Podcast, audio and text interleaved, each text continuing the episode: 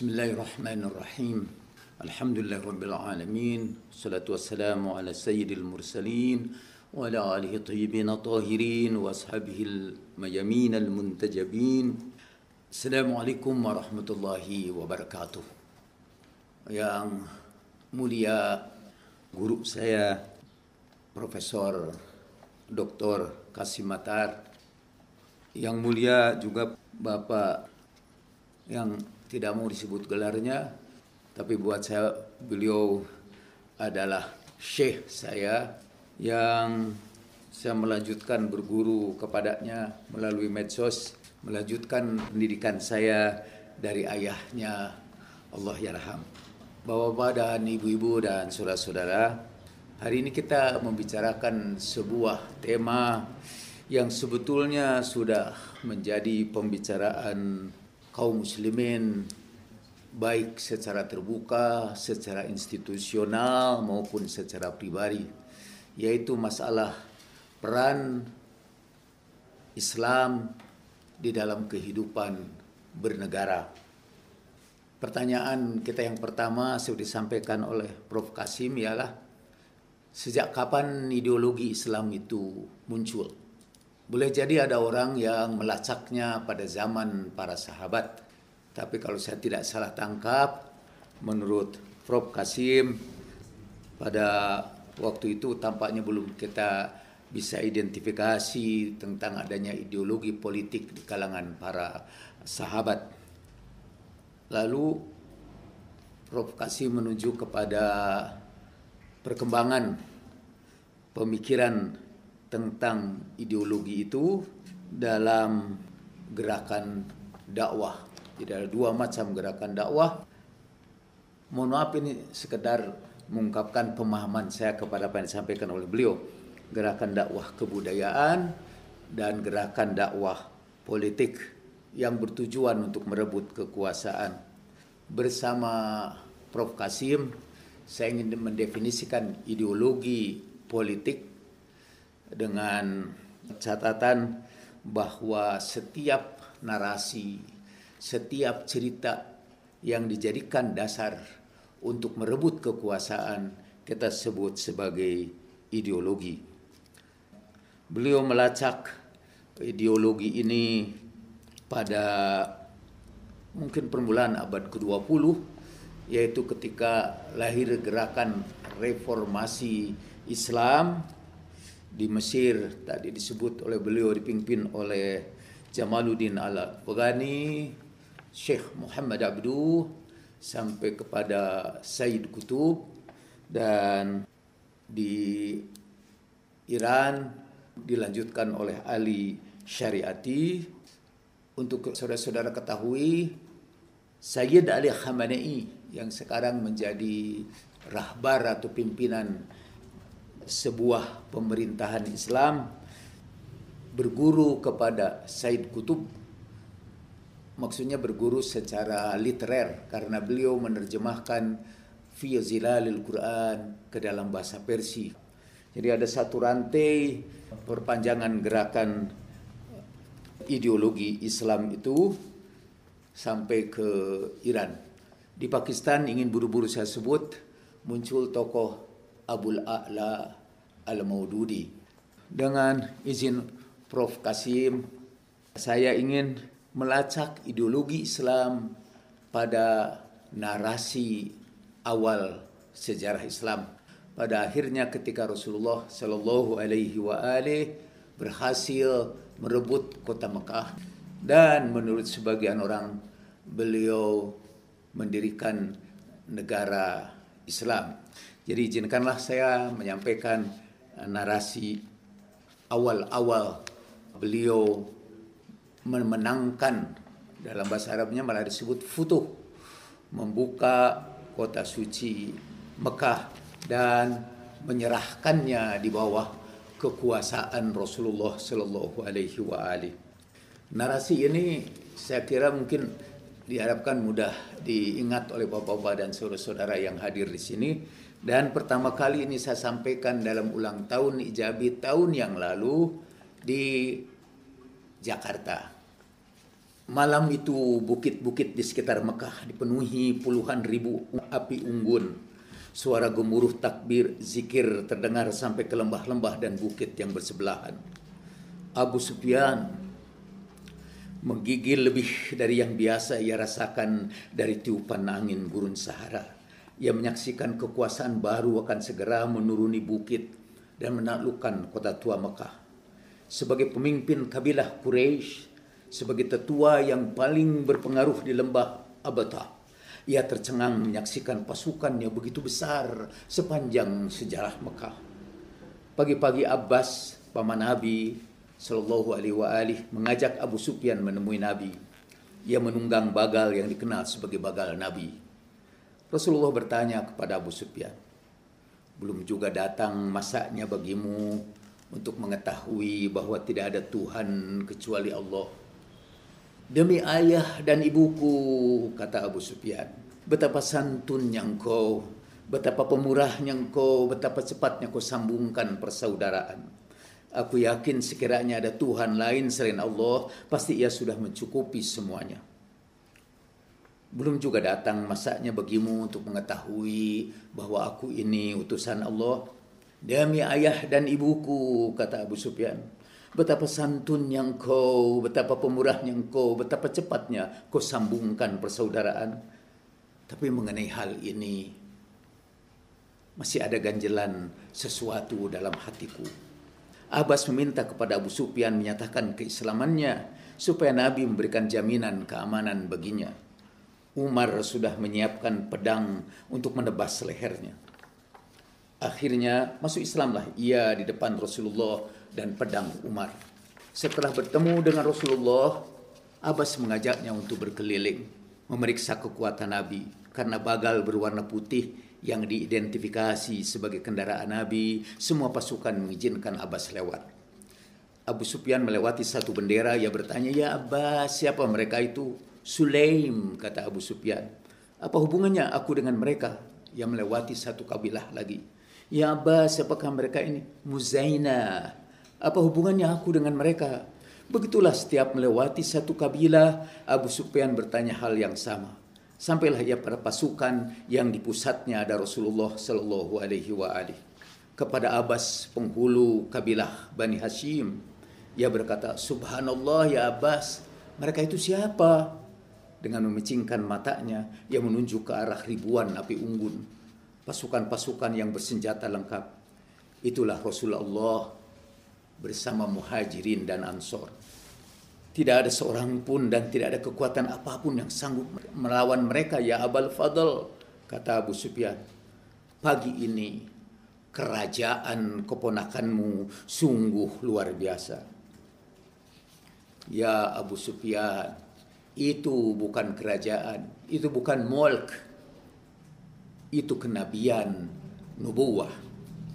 Sudah bisa baca ini dalam Uyun Al-Athar fi Funun Al-Maghazi juz kedua halaman 229. Percakapan di antara kedua tokoh Bani Hashim dan Bani Umayyah menandai dua front yang saling konfrontasi dalam bahasa Arabnya muwajahah. Tarikh Nabi dengan begitu tarikh awal Islam adalah pertarungan antara dua front. Front keimanan dan front pembangkangan. Front keimanan diwakili hampir sepenuhnya oleh Bani Hashim, front pembangkangan dengan anggota 23 kabilah dipimpin oleh Bani Umayyah. Tokoh Bani Umayyah adalah Abu Sufyan bin Harab yang menganggap persaingan dengan Bani Hashim sebagai pertarungan pengaruh dan kekuasaan. Ia melihat Nabi tidak sebagai Nabi, tapi ia melihat sebagai pesaing dalam merebut kekuasaan. Dalam bahasa Nietzsche, Abu Sufyan melihat perjuangan Nabi itu sebagai dari wille curmah dalam Darwinisme survival of the fittest berdasarkan pandangan tentang fitrah manusia sebagai homo agresifus dalam bahasa Abu Sufyan yang diulang secara konsisten ini disebutnya al-mulk bukan an-nubuwah kita menyebutnya ideologi politik pasca wafatnya Nabi muncul dalam nomenklatur politik Islam istilah khilafah. Madhab yang mengikutinya kita sebut saja madhab khilafah. Abu Sufyan berjuang untuk menegakkan kekuasaan. Nabi berjuang untuk menyebarkan wahyu. Abu Sufyan menegaskan bahwa yang ia lawan adalah nilai-nilai langit. Kami dengan Banu Hashim seperti dua kuda yang bertarung. Jika mereka mendatangkan sesuatu, kami mendatangkan bandingannya. Sampai seorang lelaki datang membawa berita dari langit. Mana mungkin kami bisa mengimbanginya? Karena tidak bisa mengimbanginya, tidak ada cara lain kecuali melawannya. Ketika kalah, ia masuk ke dalam Islam tidak untuk melaksanakan ajaran Islam, tapi untuk menggunakannya. Ketika menang, ia mengubah Islam menjadi gerakan merebut kekuasaan. Setelah wafatnya Nabi, khilafah dipegang Abu Bakar dari Taim. Sesudahnya Umar dari Bani Adi. Akhirnya khilafah sekarang dipegang oleh Utsman dari Bani Umayyah ketika Abu Sufyan sudah tua renta dengan mata yang sudah buta, tertatih-tatih yang mendatangi Khalifah Utsman. Sekarang kekuasaan sudah pindah kepada kamu dari Banu Taim dan Adi. Mainkan seperti bola dan jadikan tonggak-tonggaknya Banu Umayyah. Yang kamu pegang sekarang ini adalah kekuasaan. Aku tidak tahu perihal surga dan neraka. Saya kira itu statement sebuah ideologi bahwa Abu Sufyan berjuang bukan untuk mengejar surga atau menghindari neraka. Abu Sufyan tidak percaya kepada Nabi sebagai pembawa wahyu. Ia hanya percaya kepada satu hal, yaitu kekuasaan. Mainkan bola ini, kata dia kepada Uthman. Ia bertanya apa ada pihak lain selain Bani Umayyah di istana Utsman. Ketika orang-orang menjawab tidak ada, Abu Sufyan berkata, "Ya Allah, dia berdoa, ya Allah jadikanlah urusan ini urusan jahiliyah, amron jahiliyatan. Jadikan kekuasaan ini bahan rebutan, mulkan wasyibiyatan dan jadikan tonggak-tonggak buminya Bani Umayyah. Saudara-saudara, saya tidak ingin memperpanjang kisah ini, tapi menurut saya itulah awalnya masuknya politik ke dalam Islam. Pasca Rasulullah Shallallahu Alaihi wa alihi Wasallam wafat, kemudian Abu Sufyan beserta keluarganya hijrah ke Madinah, bergabung dan menjadi influencer yang cukup kuat di kota Madinah. Tokoh dari satu front yang melihat Nabi sebagai malik, sebagai mulk, sebagai penegak kekuasaan. Di pihak lain Rasulullah Shallallahu Alaihi Wasallam pada akhirnya dilanjutkan oleh keluarganya dan mayoritas sekali lagi didukung oleh Banu Hashim menganggap bahwa pertarungan kekuasaan ini adalah pertarungan antara benturan dua nilai, nilai material dan nilai spiritual, egoisme dan altruisme.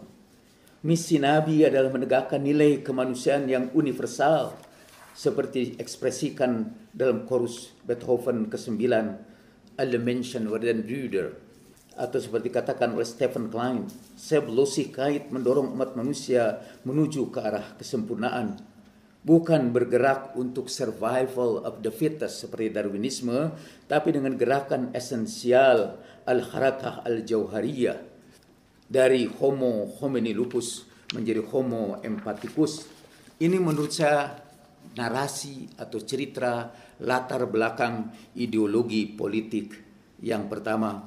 Setelah itu Bani Umayyah menegakkan negaranya murni untuk menegakkan kekuasaan. Sampai ia pernah berkata di hadapan orang-orang banyak, aku datang ke sini tidak untuk menyuruh kalian sholat, tidak untuk kalian melakukan haji, aku tahu kalian sudah tahu itu semua. Aku datang ke sini untuk menegakkan kekuasaan. Dia melanjutkan ideologi politik yang paling awal. Lalu Bani Abbas setelah itu juga murni menegakkan misi kedatangannya untuk menegakkan kekuasaan walaupun sebelumnya ia menggunakan nama Ahlul Bait untuk menegakkan kekuasaannya. Karena waktu itu orang-orang Syiah dalam keadaan tertindas dan ia mendekati orang-orang tertindas itu setelah ia berkuasa ia melakukan penindasan berikutnya kepada keluarga Nabi. Selama 1400 tahun lebih tidak pernah ada negara Islam. Dalam arti tidak pernah ada negara yang didirikan berdasarkan syariat Islam. Sampai Khilafah Utsmaniyah seperti nanti juga mungkin kita akan banyak mendengar dari Pak Kiai Nadir tentang betapa bobroknya Khilafah Utsmaniyah yang sering kita anggap sebagai contoh pemerintahan Islam. Nggak ada pemerintahan di situ. Nggak ada syariat Islam di situ. Jadi 1400 tahun sampai tergulingnya Khalifah Utsmaniyah dan muncullah dalam istilah Pak Kasim aktivis-aktivis dan pemikir-pemikir Islam yang merindukan kembalinya kejayaan Islam. Kembalinya zaman keemasan Islam. Malah ada yang mengidolakan Khilafah Utsmaniyah sebagai perwujudan tapi sekali lagi bukan perwujudan nilai-nilai Islam tapi perwujudan kekuasaan Islam. Kekuasaan Islam waktu itu sampai ke perbatasan Austria dan Jerman. Kekuasaan Islam waktu itu meliputi hampir seluruh dunia. Bahkan Aceh yang berada di Indonesia mengikatkan negerinya dengan kekuasaan Utsmaniyah. Itu satu dari segi mengapa disebut zaman kekuasaan bukan dari segi zaman keemasan, bukan dari bukan dari segi nilai-nilai Islam, tetapi dari segi kekuasaan. Lalu orang merindukan kembali datangnya kekuasaan Ismania. Maka pada permulaan abad ke-20 muncullah Sayyid Jamaluddin Al-Afghani kemudian ke Mesir berjumpa dengan Syekh Muhammad Abdu yang mempunyai murid seorang Sayyid juga Sayyid Kutub yang melihat betapa buruknya Amerika ketika ia belajar di Amerika, kembali ke negerinya dan dia mengkritik bahwa kehancuran dunia Islam ialah karena sudah masuk zaman jahiliyah baru.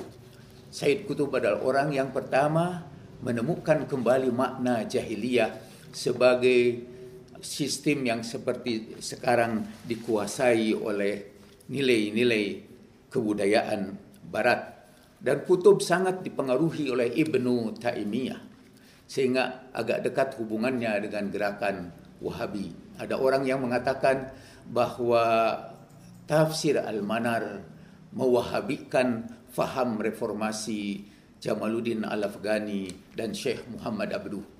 Jadi makin kentara dalam tulisan Syed Kutub kewahabiannya.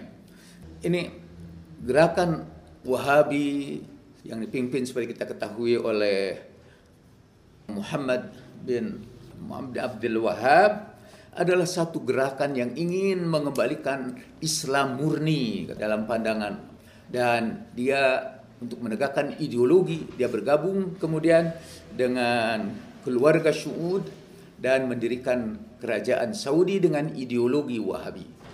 Ideologi Wahabi itu ditegakkan di atas beberapa pokok yang tidak akan kita bicarakan di sini. Tapi yang pertama memang kita harus merebut kekuasaan dan kita harus menegakkan kalimat Allah dengan memurnikan ajaran Islam. Maka untuk pemurnian itu mereka melakukan beberapa gerakan. Satu gerakan tabdi' membid'ahkan apa pun yang tidak sesuai dengan ideologi mereka. Dan kedua, takfir mengkafirkan semua orang, memusyrikkan semua orang yang dalam faham akidahnya tidak sama uh, dengan mereka. Gerakan ini berpengaruh sampai sekarang dan mewarnai gerakan-gerakan ideologi Islam yang pada akhirnya ingin mendirikan uh, khilafah.